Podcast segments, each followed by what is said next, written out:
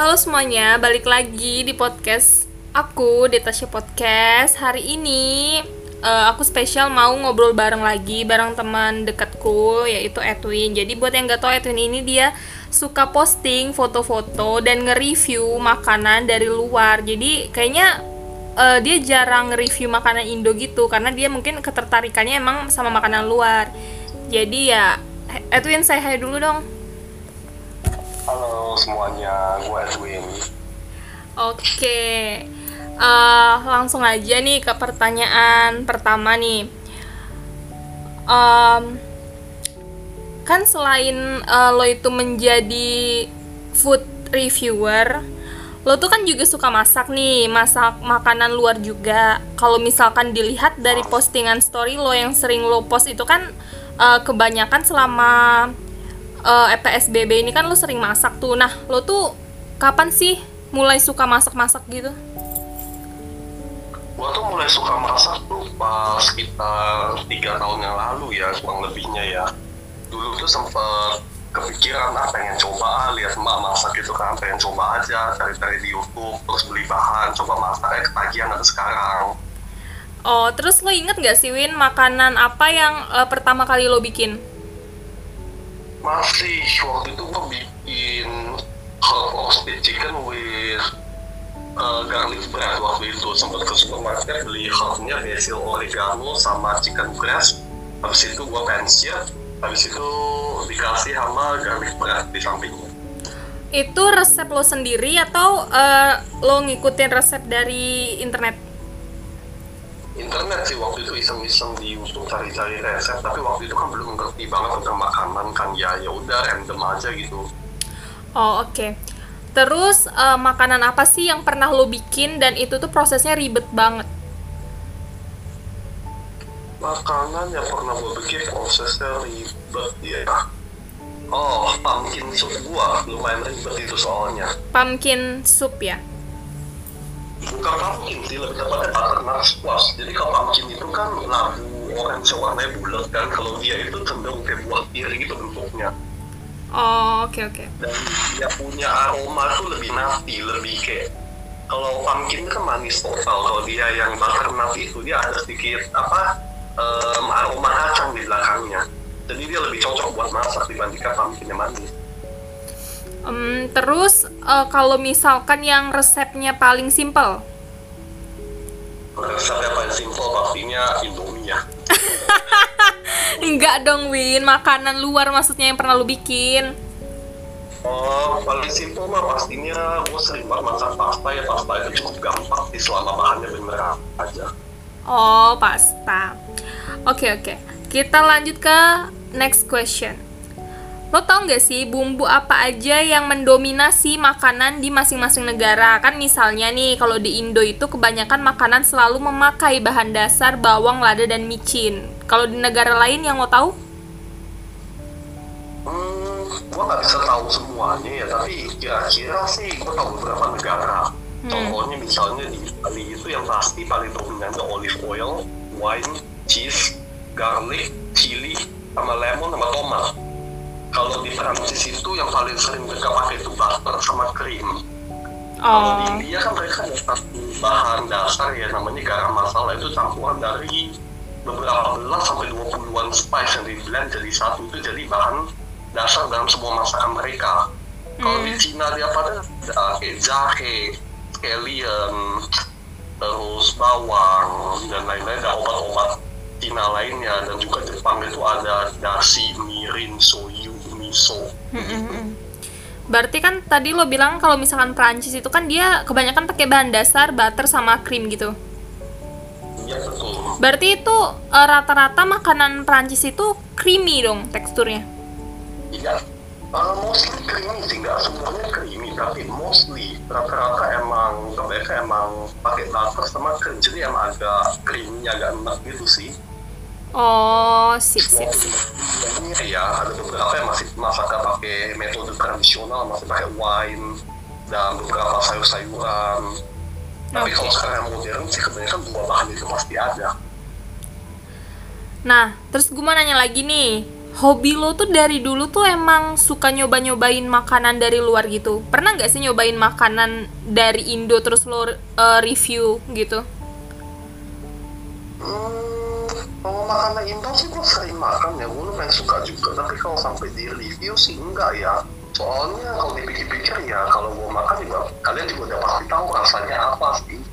iya Jadi cuman ya, kan cuman kan uh, makin ke sini itu kan uh, banyak inovasi baru tentang makanan Indo mungkin kayak baru-baru ini mungkin uh, mereka tuh banyak pakai bumbu-bumbu yang enggak bumbu aslinya. Jadi kayak ya inovasi mereka sendiri gitu.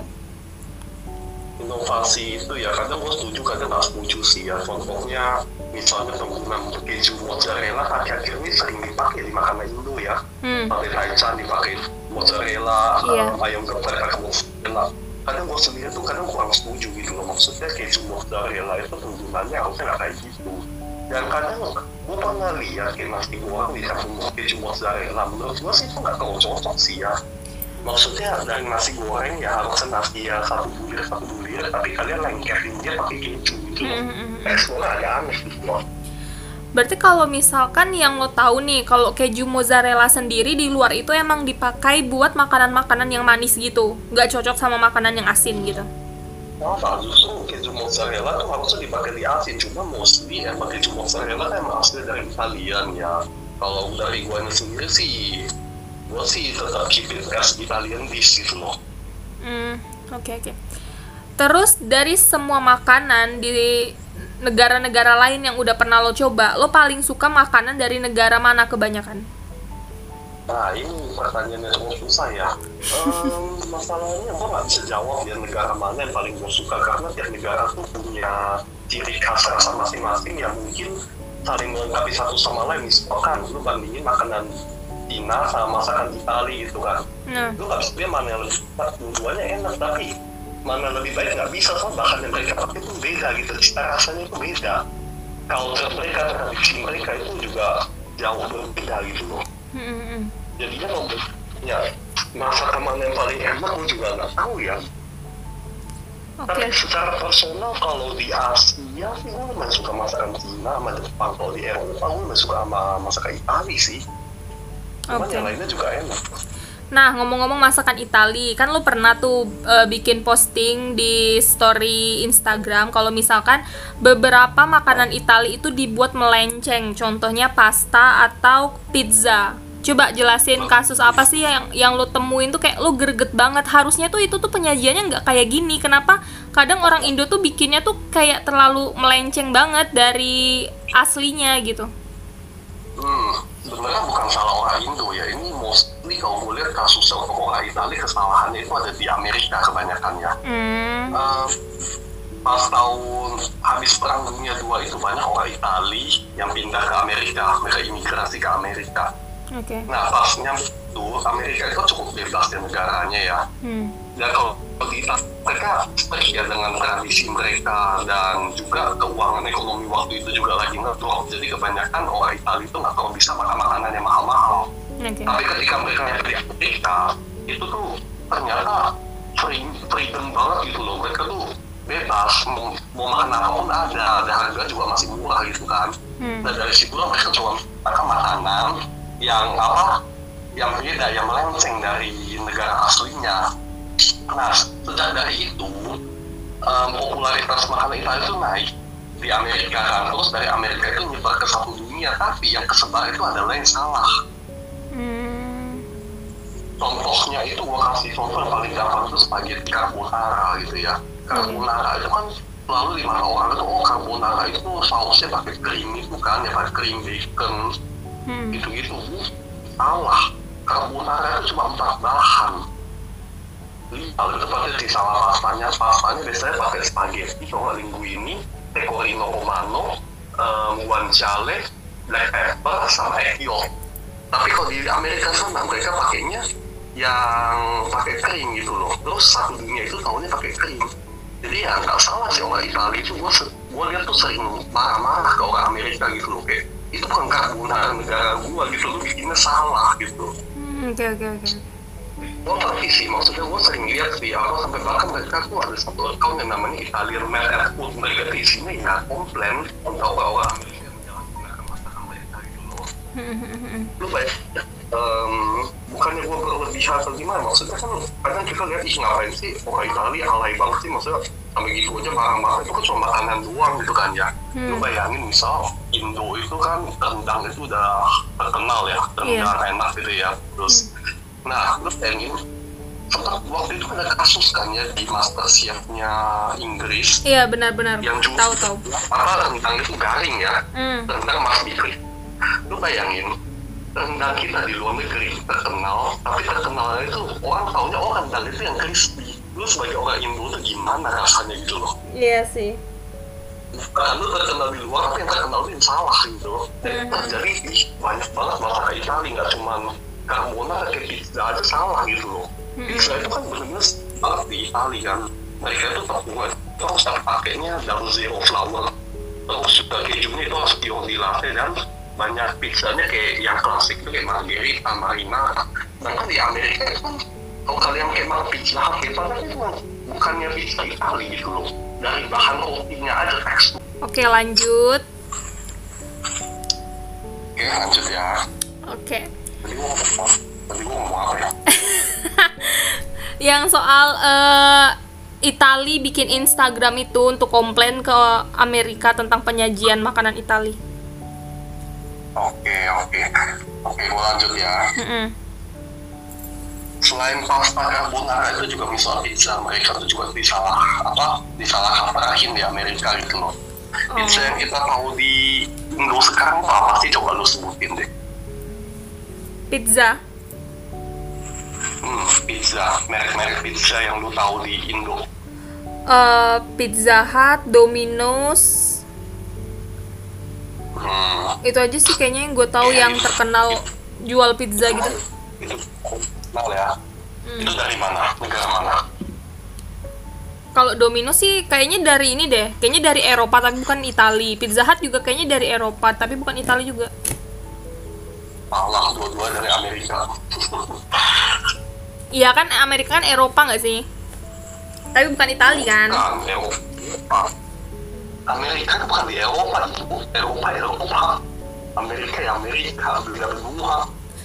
Tapi gini, tapi meskipun gua tidak begitu mendalami tentang makanan Itali, terutama pizza yang terkenal banget seantero dunia kan makanan khas Itali, gua sebagai penikmat tuh ya nikmatin aja gitu asalkan enak dan cocok di lidah. Gue tidak sampai mendalami. Mungkin karena gua bukan fu- uh, food reviewer kayak lo juga kali ya. Kan kalau kan tipe-tipe yang kalau misalkan lo makan makanan dari negara lain lo kan pasti kan mendalami banget kan itu bahannya apa terus makanan ini tuh di luar tuh kayak gimana gitu kan.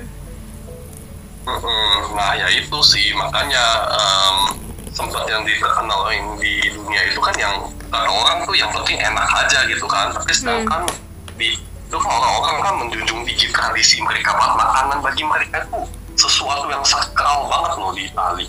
Nah maka dari itu mereka tuh ngomel-ngomel jadinya gitu loh. Karena ya mereka nganggap Amerika tuh nggak usahin tradisi mereka. Dan Amerika itu alasan yang penting enak aja gitu loh. oke oke paham. Tuh. oke next question. Resto yang paling mewah yang pernah lu datengin di Indonesia khususnya di Jakarta itu di mana? Di Jakarta. Yang em embe- ambience-nya paling wah gitu menurut lo gitu. Kalau restoran yang paling mewah pernah gue datang itu Amus di Energy Building SCBD Dia Apa-apa? restoran brand. Amus A oh M Z A M U Z oh Amus oke Amus Tuh. Nah. di apa Energy Building SCBD Oh di SCBD. Nah kalau di Amus itu makanan yang paling mahal itu apa? dari menunya apa yang gue coba Dari yang lo coba deh.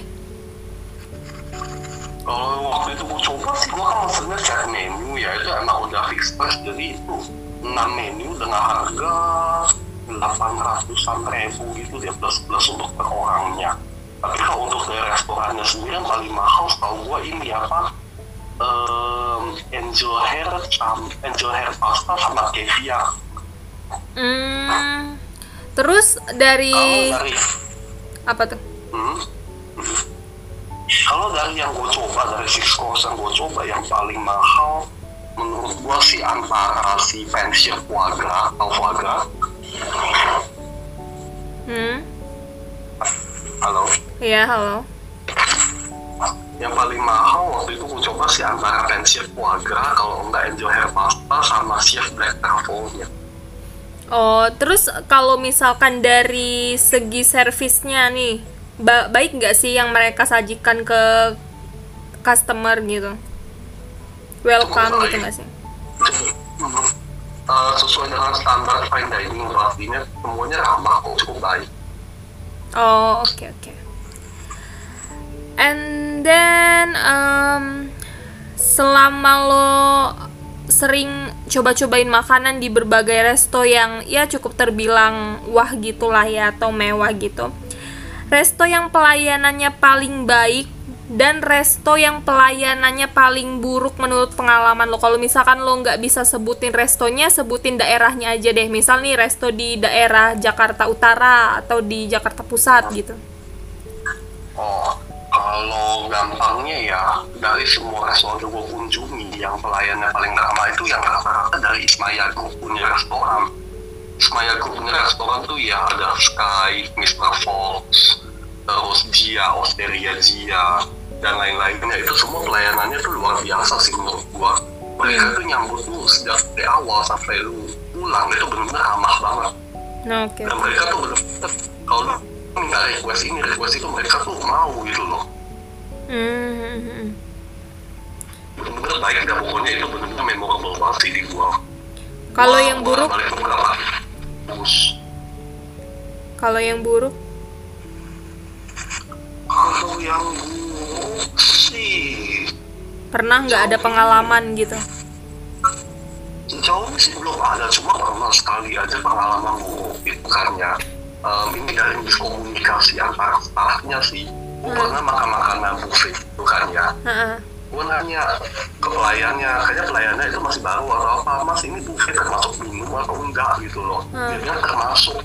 Udah gue pesen minum kan.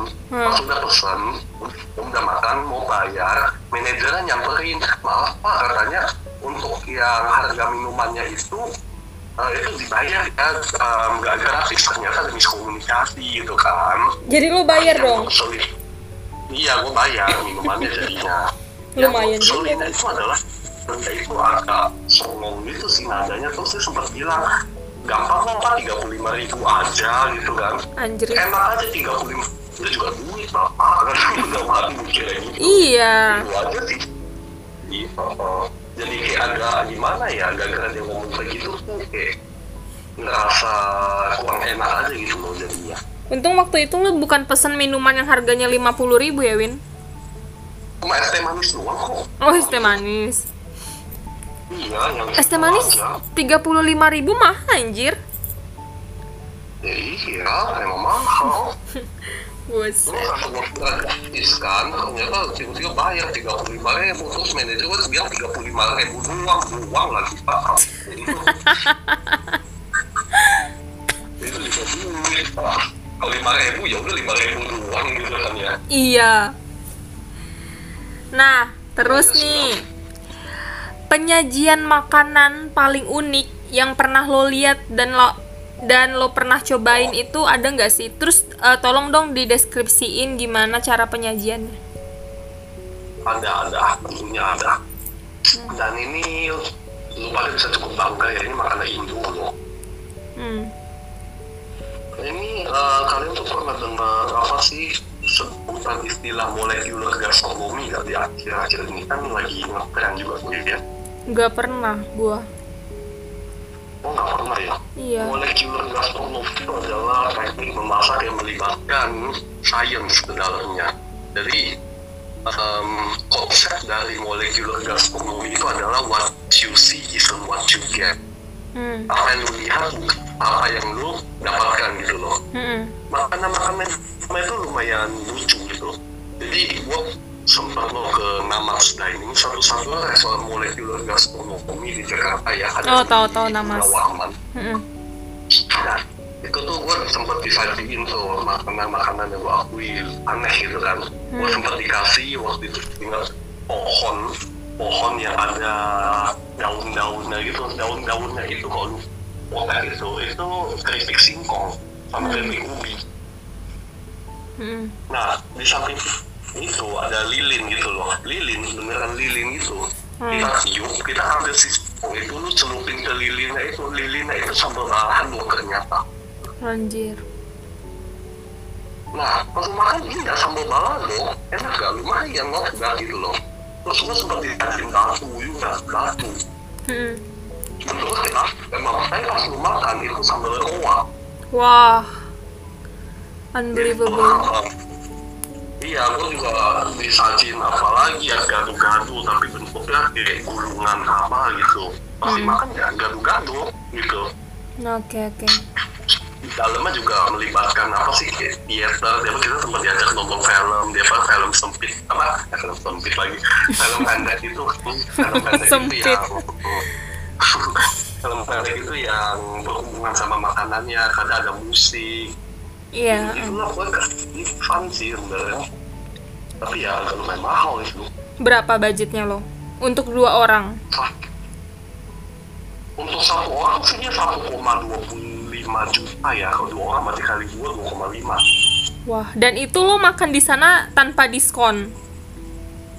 nggak ada. Dan itu harus reservasi satu bulan sebelumnya karena biasanya itu ramenya luar biasa. Nah itu tiap season tuh diganti-ganti tema jadi makan-makan di sajian itu ya sesuai dengan tema dia. Jadi Oh, waktu waktu lo makan di situ lo bareng temen dong.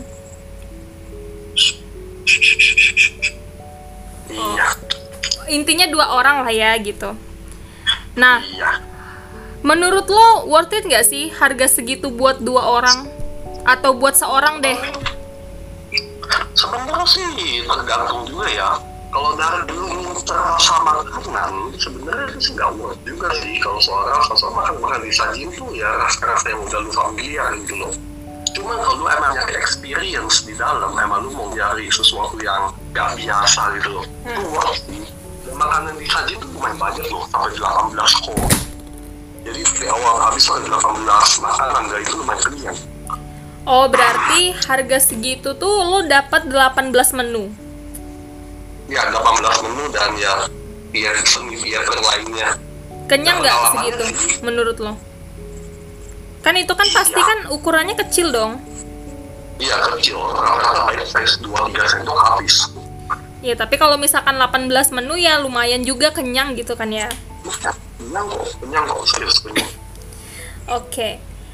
Next lagi nih. Chef terbaik menurut lo dan eh, chef pokoknya chef terbaik yang pernah melayani lo tuh siapa? Chef terbaik udah ngelayanin gua, Chef Jill Marks dari Amuse juga.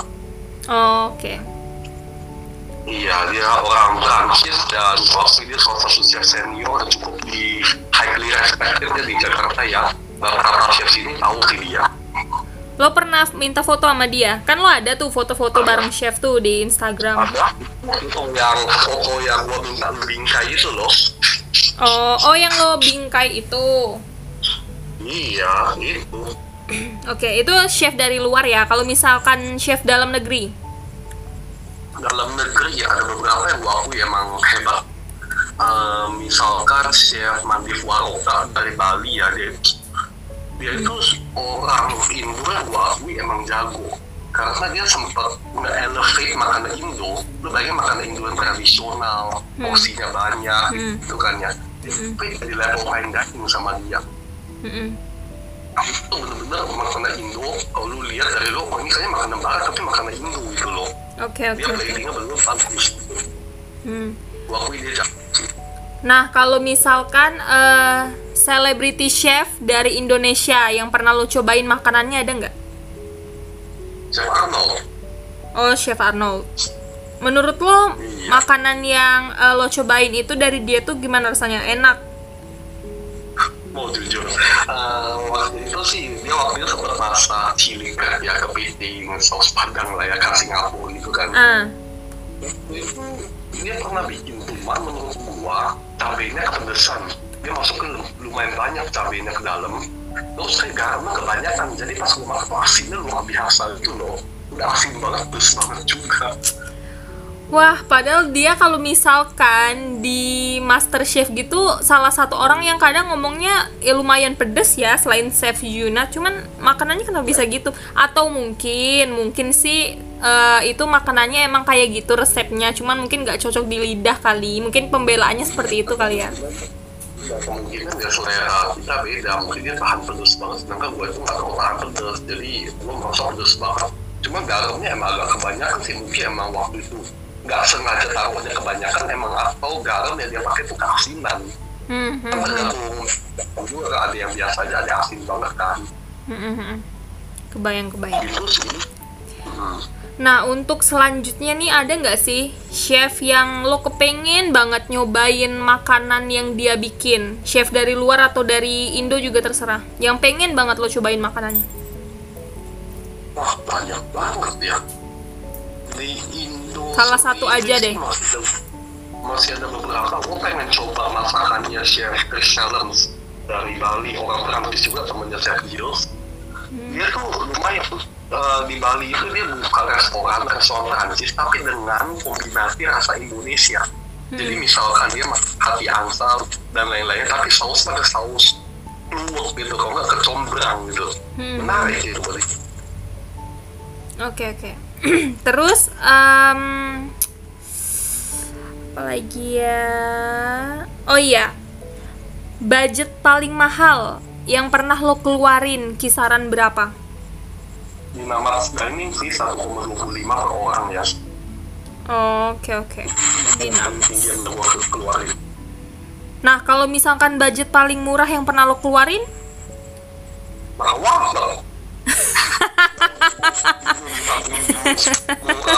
ya ya maksudnya makanan ini lawin, maksudnya dari resto yang mewah, resto sultan yang pernah lo datengin. Misal nih, per orang nih, per orang kisaran harga 200.000 ribu udah dapat beberapa menu gitu misalkan. Beberapa menu lo ya, bukan satu menu. hmm apa ya sih jujur tapi gua ada tipsnya buat kalian yang mau coba makan restoran mewah tapi dengan harga agak murah gitu loh Nah, itu di mana tuh?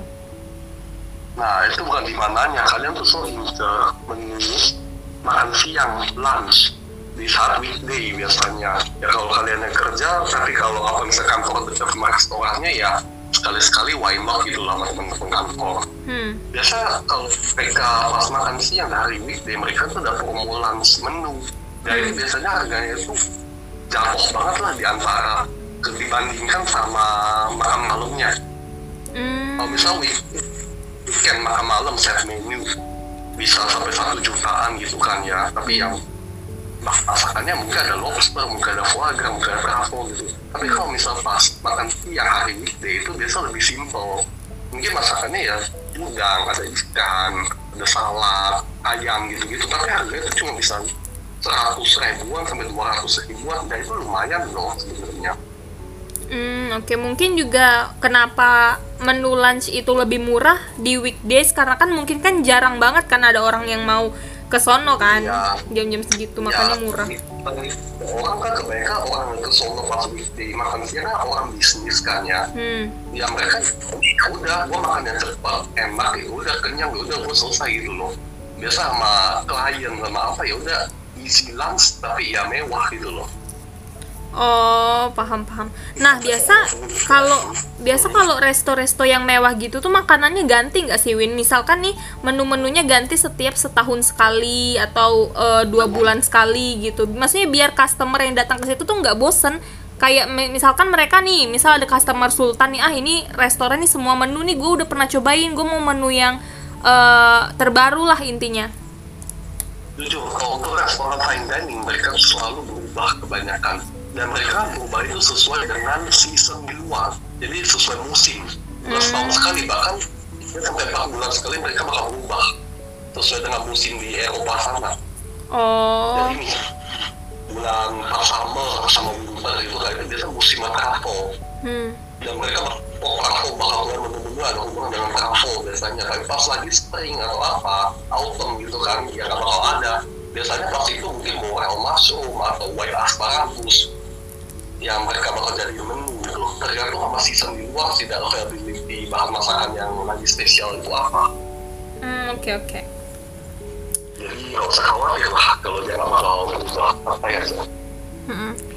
Nah, eh, pertanyaan selanjutnya, gue mau nanya nih, kan lo kan suka tuh eh, mendokumentasikan foto-foto dari semua makanan yang udah lo cobain. Nah, lo pakai aplikasi editing apa sih yang sering lo gunain atau eh, pakai aplikasi bawaan HP atau misalkan lo pakai aplikasi kayak Adobe Lightroom atau gimana? Mm, kalau gua sendiri sih kebanyakan pakai dua ya. Em, satu itu Snapseed, Google Snapseed dari Google punya. Dia itu mirip Adobe Lightroom. Adobe Lightroom kan punya Adobe kan ya. Iya. Snapseed punya Google, simpelnya gitu aja. Hmm, sering pakai itu 360 sih buat terangin makanan yang gua foto. Biasanya kan kalau terlalu gelap, aku pengen dia lebih terang. Biasanya gua pakai kamera 360 sih. Kalau untuk iya. dapetin detail-detail yang gua mau, bisa pakai Snapseed. Oh, oke oke. Tapi kalau misalkan edit-edit gitu dia mengubah warna asli makanannya nggak sih? Atau kayak cuman biar warnanya tuh lebih strong aja gitu? Um, tergantung sih editingnya gimana kadang bisa berubah kadang bisa enggak tergantung cara editnya aja sih kan Oh. bisa main-mainin contrast, saturation atau mungkin warmnya, ambience coba-coba aja mainin sampai dapetin warna yang lu mau gitu Oke oke. Nah, terus gue mau nanya, lo masih inget nggak restoran yang pertama kali banget lo datengin buat mulai konten Instagram lo sebagai food reviewer? apa ya Saking banyaknya bingung. apa ya konten Instagram nggak inget sih jujur Atau gini deh, restoran pertama pertama kali deh yang lo datengin, yang wah banget gitu. Oh pertama kali ya kalau gue mulai menggila kayak gini ya Hmm. itu tuh Mon Fairmont Hotel Jakarta di um, Peacock Lounge-nya jadi tempat buat afternoon tea Hot, eh, di mana di mana? Kurang jelas. Fairmont oh, Fairmont Hotel Oh, Iya waktu itu emang gue pengen coba afternoon tea kan. Ya udahlah sekali sekali gitu kan. Terus mulai dah sejak itu sukses gue mulai ketagihan. Coba lagi fine dining lagi fine dining lagi sampai sekarang gitu. Oke. Nah, ini pertanyaan terakhir nih, pertanyaan terakhir. Pernah nggak sih lo nemuin makanan yang tidak sesuai ekspektasi lo? Di mana menu di gambarnya itu menggiurkan, tapi pas datang kok platingnya gini, kok penyajiannya kok nggak sesuai. Terus em, banyaknya makanannya kok nggak sesuai sama yang gambar yang di menu atau yang di pikiran lo gitu ada nggak? ada ada ada ada beberapa kali ya kayak misalnya di gambarnya gue udah bayangin kadang kan em, sebelum ke restoran tuh gue suka research dulu kan ya lewat Instagram, Zomato dan lain-lainnya Iya. kan gue suka lihat menu-menu yang gue pengen pesen itu bentuknya kayak gimana sih Hmm. di piring gitu kadang gue lihat oh di orang mau begini-gini kadang keren ya. Pas gue datang ternyata platingnya berubah. Piringnya berubah penataannya berubah. Pas datang oh begini ya? Bukannya di gambar itu kayak gini. Gue maunya kayak gitu loh. Soalnya kan mau di foto juga kan ujung-ujung sama gue kan. Hmm. soalnya ekspektasi gue tuh wah em, yang di gambar orang lain pas orang lain makan di situ tuh kayak gini. Ini kayak bagus nih buat konten gue eh pas datang kok katanya berantakan gitu ya ternyata siapa tahu orang plating itu beda bukan headshotnya mungkin siapanya gitu kan Iya. agak kecewa itu kadang Oke. Nah, karena kan mungkin kan eh, pendengar gue kan nanti kan takut-takutnya ada yang kurang jelas nih sama apa obrolan kita, apa yang kita obrolin atau beberapa bahan-bahan yang mereka kurang jelas atau nama-nama hotel yang di restoran itu eh, kurang jelas gitu. Boleh nggak sih Win kalau misalkan gue kasih tahu Instagram lo? Biar mereka mungkin ada nih, misal-misal ada yang nanya langsung gitu. Coba lo Instagramnya apa? Twinlim underscore 97 Nah, buat eh, yang dengerin podcast ini, kalau misalkan kalian masih penasaran sama makan-makanan yang pernah Edwin cobain, kalian bisa langsung uh, kunjungi Instagramnya Edwin di @edwinlim underscore 97 di sana kalian bisa lihat semua makanan yang uh, udah dia review, makanan-makanan yang dia foto. Kalau misalkan kalian penasaran, uh, ada pertanyaan-pertanyaan yang mungkin kurang jelas di podcast ini, kalian bisa langsung DM Edwin atau kalau misalkan uh, mau nanya yang lain bisa DM di Instagram aku @detasyokta underscore. Oke. Okay. Iya kalau mau nanya-nanya tentang boleh hubungin gua langsung tapi tidak ada comment ya. ya semoga enggak lah. Karena kan di sini kan yang dengerin kan smart people. Seperti yang punya podcastnya smart. Nah, terus ada nggak sih Win pesan-pesan lo buat uh, food reviewer baru nih yang uh, baru memulai di dunia permakanan nih, perfudian. Ada nggak sih pesan lo dari gini, dari pemilihan, mungkin pemilihan tempat atau rekomendasi tempat yang uh, menurut lo tuh cocok bagi pemula buat nge-review makanan-makanan sultan gitu? sebenarnya saran gue sih kalau untuk jadi food reviewer ya terserah kalian sih mau kayak gimana sebenarnya nggak ada batasan kalau kalian tuh mau nge-review makanan mahal, makanan murah, atau makanan yang kafe-kafe gitu, itu terserah kalian.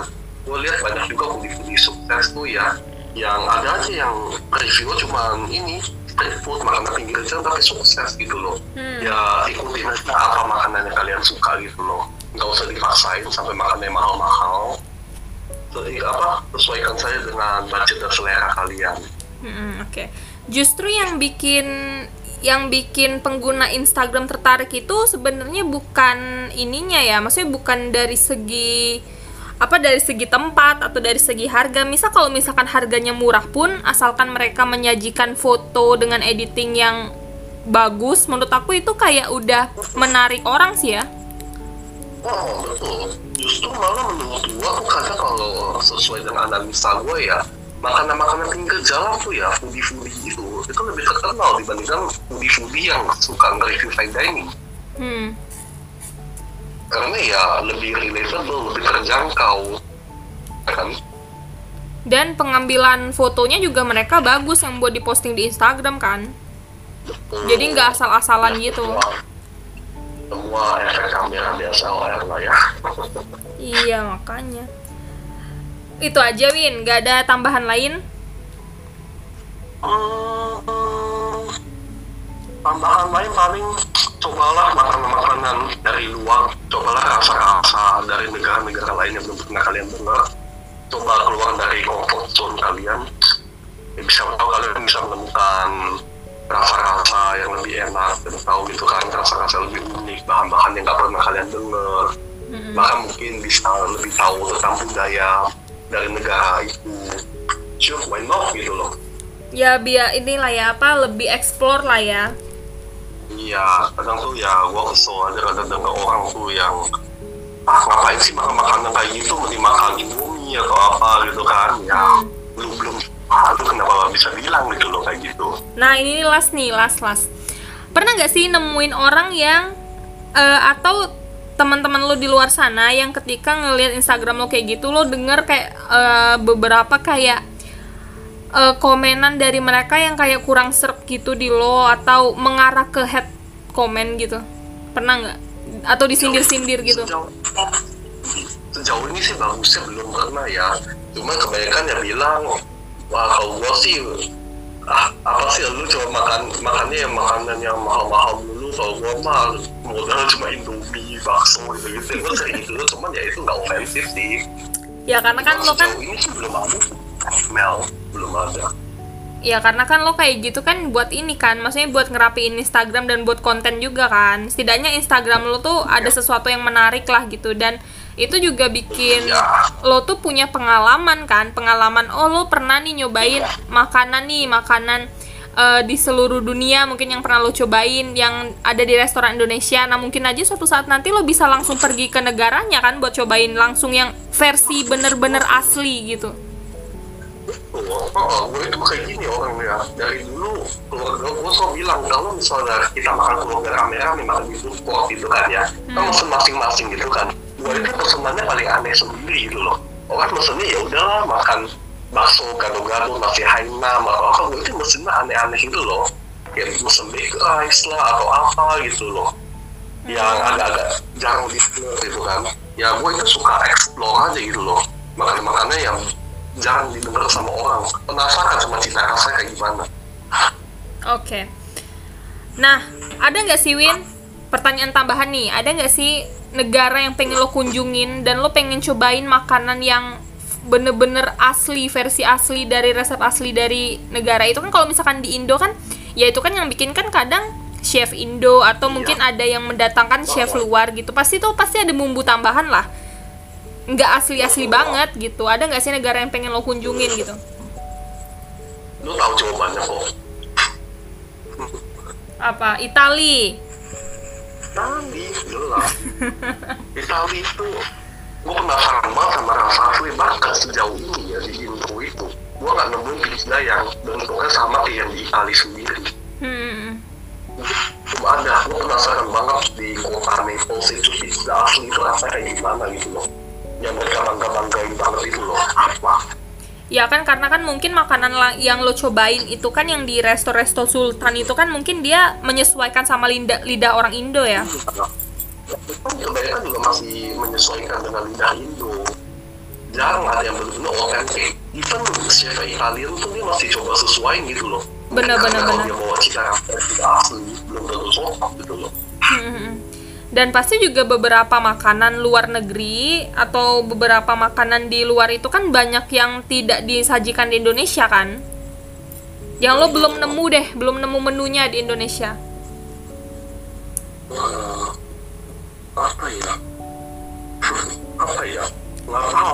Ya ya pasti ada lah gitu kan ya yang mungkin suatu saat nanti yang bisa lo cobain gitu kan. Pengen gak sih Win nyobain? Nyobain street food street food luar? Oh iya, justru kalau misal gue keluar, keluar negeri, gue bakal kebanyakan ngincer steak food. Tapi sesekali gue juga bakal ngincer Michelin star restoran mereka. Jadi gue pengen cobain dua-duanya gitu loh.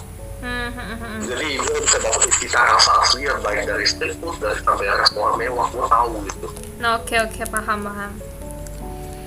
Nah, mungkin eh, podcast kali ini cukup panjang. Sekarang aja udah hampir 43 menit. Jadi mungkin kita akhiri aja sampai di sini karena kalau misalkan eh, bakalan ada pertanyaan tambahan lagi tuh selesainya bakal lama gitu kan. Dan makanya kenapa gue cantumin Instagram Edwin buat kalau misalkan ada pendengar yang penasaran sama makanan luar bisa langsung tanya ke Edwin gitu. Jadi ya maaf-maaf kalau misalkan kita berdua ada salah-salah kata dalam podcast ini. Jadi ya kita akhiri aja podcast ini sampai di sini. Jadi sekian dan terima kasih. Bye bye. See you next episode. Bye. Bye Win. Bye-bye.